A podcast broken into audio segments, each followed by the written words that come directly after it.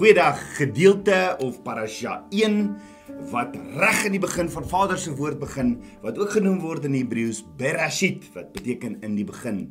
Vanoggend praat ons 'n bietjie oor die Torah, die eerste 5 boeke, die Pentateeg en dan ook oor die Oral Torah. Ek weet nie of jy die Oral Torah ken nie. Maar uit Abba Vader se handleiding, die Torah, leer ons hoe Abba na sy skepping kyk, hoe hy dink, hoe hy met my en jou praat hoe hy optree en hoe hy reageer op ons gedrag en wat 'n wonderlike geskenk. Is dit nie net amazing nie? Veronderstel jou net 'n lewe sonder Abba Vader se riglyne. Chaos, soos wat ons lees in Genesis 1 vers 2 wat sê en die aarde was woes en leeg en duisternis was op die wêreldvloed. Ons weet oorspronklik het Abba Vader vir Moses die Torah gegee, maar as ons verder gaan kyk na Abba Vader se woord, dan weet ons sy woord bestaan uit die Tanakh. Dis die Ou Testament. En dan sê Yeshua in Lukas 24 vers 44, dit is die woorde wat ek met julle gespreek het toe ek nog by julle was, dat alles wat oor my geskrywe is in die wet van Moses en die profete en die psalms vervul moet word. Nou die Tanakh, die Ou Testament bestaan dus uit 3 dele, naamlik nommer 1 die Torah. Dis die eerste 5 boeke van die Bybel, ook genoem die Pentateeg. Dan nommer 2, die Neviim. Dit bestaan uit die groot profete, naamlik Jesaja, Jeremia, Jesegiel en dan ook die kleiner profete wat Hosea tot Maleagi is. Dan die Getufim, dit bestaan uit Psalms, Spreuke, Prediker en Klaagliedere. Dan nommer 4, dan kry ons die die Nuwe Testament wat genoem word die Bredesha. Ehm um, dit is van Matteus tot Openbaring. Dis die Nuwe Testament. Maar 'n ding wat ons nooit in ons kerke gekry het of van gehoor het nie en wat ongelooflik baie deurmekaar eh, wat deurkom in die leringe van Yeshua toe op aarde was, is die tweede Torah. Hæ? Huh? Tweede Torah? Ja, kom ek verduidelik. Die Torah, die eerste 5 boeke van die Bybel, is voor in sinagoges gelees in die Bybelse tyd. The one that sit in Moses seat het dit dan voorgeles. Daar was nie vir almal 'n Bybel nie. Mense moes na die sinagoges toe gaan om die woord van Abba Vader te hoor. En hulle het dit gewoonlik gedoen op die Sabbat. Yeshua self het ook na die sinagoges toe gegaan om die Torah te lees. En ons het ons het gesien Yeshua het na sy 40 dae vas na 'n sinagoge toe gegaan en die boek Jesaja oopgerol, die haftara vir die week. Toe lees hy die week se gedeelte, die week se parasha in Jesaja 61 vir die mense. Toe hy dit gelees het en hy sê dit is van my wie hier staan. Dit het die fariseërs en die skrifgeleerdes so kwaad gemaak. Hulle wou hom by 'n krans afgooi omdat hy gesê dis van hom wat daar geskrywe is. Dit kan jy gaan lees in Lukas 4 vers 17 tot 30. Met ander woorde, mense het nie rondgeloop met 'n Bybel onder hulle arm nie, want daar was bitter min kopieë. Hoekom? Want as jy 'n kopie van die Torah wou besit het, moes jy 'n hele kudde lammetjies slag om en by 80 om hulle velle te gebruik om op te skryf. Nou dink gehou 80 lammetjies, kom ons sê is 'n R1000, een is klaar R80000. Dan het jy barrels ink nodig gehad. Jy het ook 'n skrifgeleerde genodig gehad om vir 5 na 6 jaar vir jou Torah te kom skryf. Kom ons werk dit in vandag se terme. Kom ons sê daardie persoon verdien R50000 'n maand om vir jou daardie, want is 'n skrifgeleerde, dis 'n hooggeleerde wat vir jou dit moet oorskryf. En onthou hulle moet elke lettertjie sing soos wat hulle omskryf. 5 jaar 50000, kan jy die sommetjies begin maak? 50 maal 12 600000 per jaar maal 5. Kyk jy al na redelike koste vir die Torah. En dis al hoe jy 'n kopie van die Torah kon kry. As jy daar, as jy kom betaal het vir dit. Net 'n koning van 'n land, net sinne sekere sinagoges en die baie ryk mense het egter die Torah besit. En in Deuteronomium 17 vers 18 tot 19 sê Abba Vader, 'n koning van 'n land moet 'n Torah hê. Hy moet vir homself 'n Torah laat skryf sodat dit sodat dit kan leer elke dag sodat hy dit gewoond raak en dat hy gehoorsaam kan raak daaraan.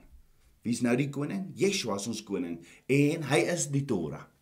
Maar die mense op straat het nie toegang tot die Torah gehad nie, so die fariseërs en die skrifgeleerdes die Torah gaan lees by die sinagoges waar hulle een kon kry en dan teruggegaan na die mense toe en hulle gaan leer wat hulle by die sinagoge geleer het. En dit was 'n probleem want die mense kon nie gaan naslaan en kyk soos ons vandag kan kan kan kyk of dit wat gepreek word die waarheid is nie. So dit dit wat daar staan het hierdie fariseërs die fariseërs en die skrifgeleerders het hulle verkeerd geleer. So kan jy dink hoe die vyand ingekom en kom steel en al hierdie ekstra reëls en dinge bygebring. So hierdie fariseërs en die skrifgeleerders het vir die mense dinge bygeleer wat glad nie in Abba Vader se woord staan nie. Die fariseërs en die skrifgeleerders het gekom en gesê, maar daar moet 'n interpretasie wees van Abba Vader se woord en hulle het hierdie klomp opinies van al hierdie fariseërs en skrifgeleerders saamgevoeg en dit genoem die Talmud. Het jy al gehoor van die woordjie Talmud? Talmud is wel bekend as ook as die Oral Torah, die gespreekte woord van God. En dis waar die tweede Torah ontstaan het. Hierdie tal, Talmud bestaan dit dan uit 'n paar interpretasies uit tradisies van mense en dinge wat hulle gesê het wat hulle dan saamgevoeg het en gebind het. Met ander woorde, die Talmud is nêrens in Abba Vader se woord nie. Die feit dat daar twee Torahs is, is wel bekend onder die Jode, maar glad nie so bekend onder die Christene of die kerk waarin ek en jy groot geword het nie. En dis een van die redes hoekom ons Paulus se briewe aan die gemeente so verkeerdelik verstaan. En ons gaan kyk na hierdie Talmud of Oral Torah en ons verstaan nie dat hierdie twee opgebreek is nie. Dan sal ons dan sal ons nooit die volle leringe van Yeshua en in die Nuwe Testament verstaan dat ons dat ons weet hierdie is die Torah, dis Abba Vader se woorde en dan die Oral Torah is al hierdie mensgemaakte wette wat ook volgens die Jode gesien word as 'n Bybel.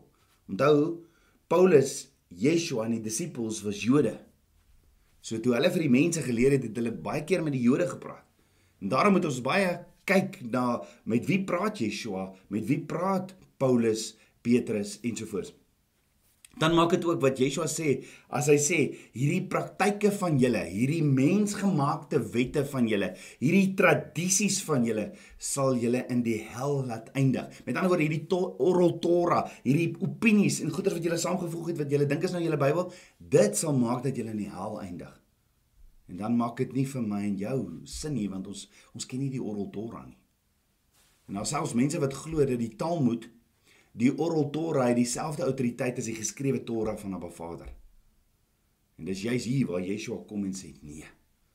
As ek en jy dit nie verstaan nie kan dan lyk dit asof die Nuwe Testament homself die heeltyd weerspreek en asof Paulus hier sê ehm um, vat weg die wet en daar dit.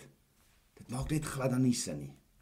Let wel die titel Ou Testament is suiwer mensgemaak en is 'n die die die, die Ou Testament die titel is suiwer mens gemaak en is 'n relatiewe moderne titel wat aan hierdie gedeelte van die Bybel gegee word en wat die oorspronklike Bybel betref, bestaan daar nie so iets soos die Ou Testament. Die woorde Ou Testament het nooit verskyn in die oorspronklike Bybel nie. Die idee agter die name Ou en Nuwe Testament wat ons beskou as die twee gedeeltes van die Bybel, is dat die Ou Testament verwys na die verbond tussen God, Abraham, Isak, Jakob en Moses. En die Nuwe Testament verwys na die verbonde tussen God en die mensdom in die algemeen deur Yeshua. Dus is dit is dit veel beter om na die twee afdelings van die Bybel te verwys as vroeëre en laasgenoemde testamente eerder as Ou en Nuut. En terloops beteken testament verbond. Hulle is sinoniem. Die Nuwe Testament of verbond het nie die oorspronklike testament of verbond vervang nie, maar sommige is getransformeer. So selfs Yeshua het geantwoord toe hy gevra is of die wet wat regter die woord verteenwoordig die Torah nou ongeldig was met sy koms.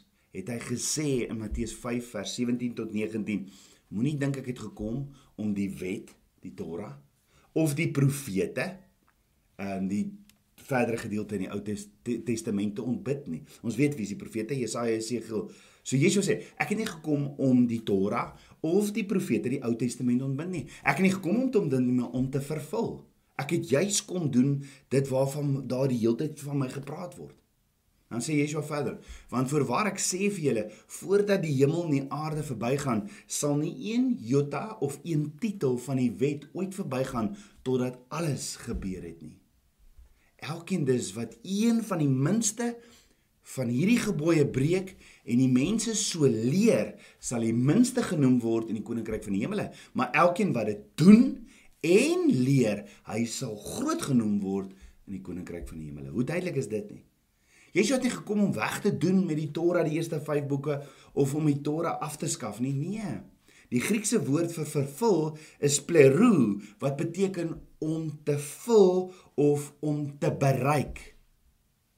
Maar in die vertaling in Afrikaans gee dit ons die gevoel van iets wat beëindig word. Inteendeel, die ware betekenis van vervul is om vol te vul, om op te vul.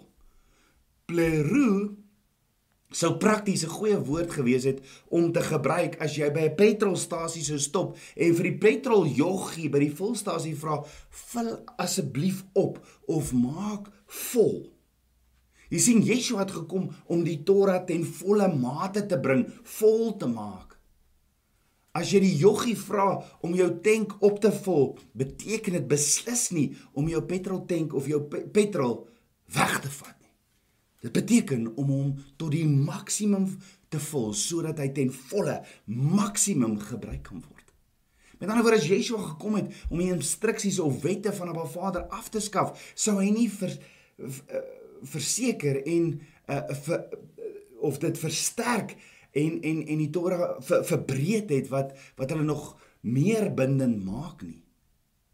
En as die instruksies van Abba Vader vandag nie meer bindend was nie, kon daar nie sonde wees nie want sonde in Johannes 4 vers 3 is wetteloosheid. Ja, 1 Johannes 3 vers 4 sê elkeen wat die sonde doen, doen ook die wetteloosheid want die sonde is wetteloosheid.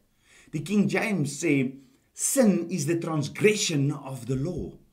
Met ander woorde dit volg derhalwe logies dat as daar nie sondaars is nie, daar geen noodsaak vir 'n verlosser sou wees nie. Maar Vader se hele woord getuig dat Yeshua gekom het om my en jou van sonde te red.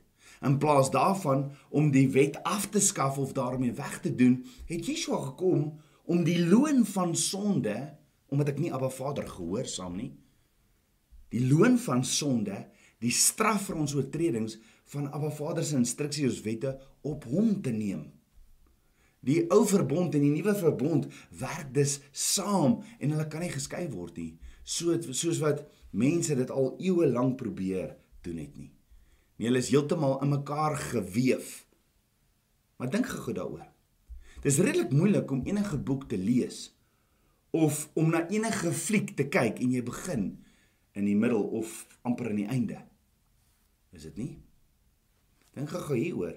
Is dit moontlik dat die Ou Testament, die Ou Verbond was wat Yeshua, Paulus en al die ander disippels gebestudeer of geonderwys het?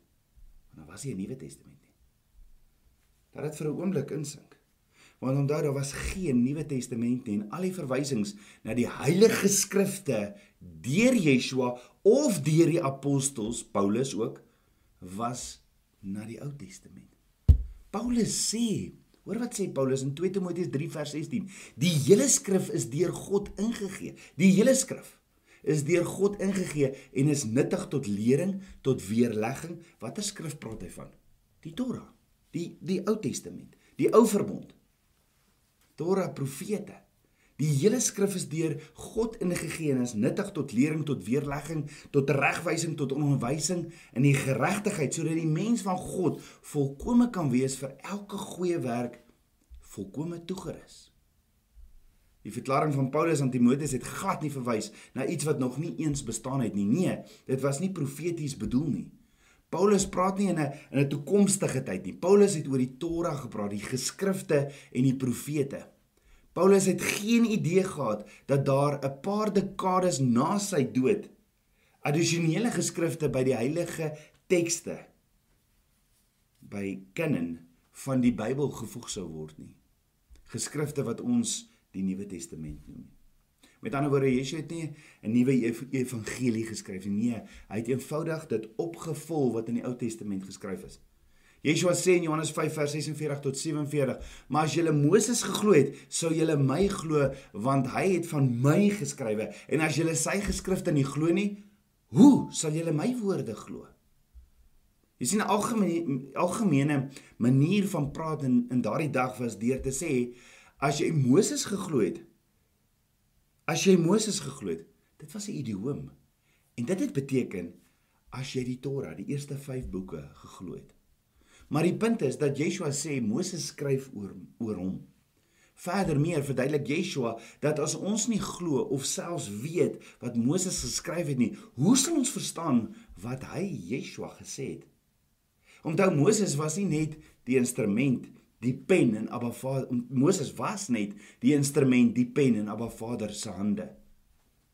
Daarom die Torah wat ons dieper gaan bestudeer dag bepeinste dag en nag is vol verwysings na ons Messias wat ons sal kom en die geestelike beginsels wat hy tot die hoogste vlak van hulle betekenis gebring het. Daarom moet ons die grondvlak ken sodat ons kan verstaan wat Jesus ons kom leer het. So iets om oor te ponder. Hoekom het Abba Vader alles geskape dan in 6 dae? Kom ons bid saam. Abba Vader, skepper van my hart, Abba Ja, Abba, ek loof en ek prys U. Vader, dankie vir vir U woord, Abba.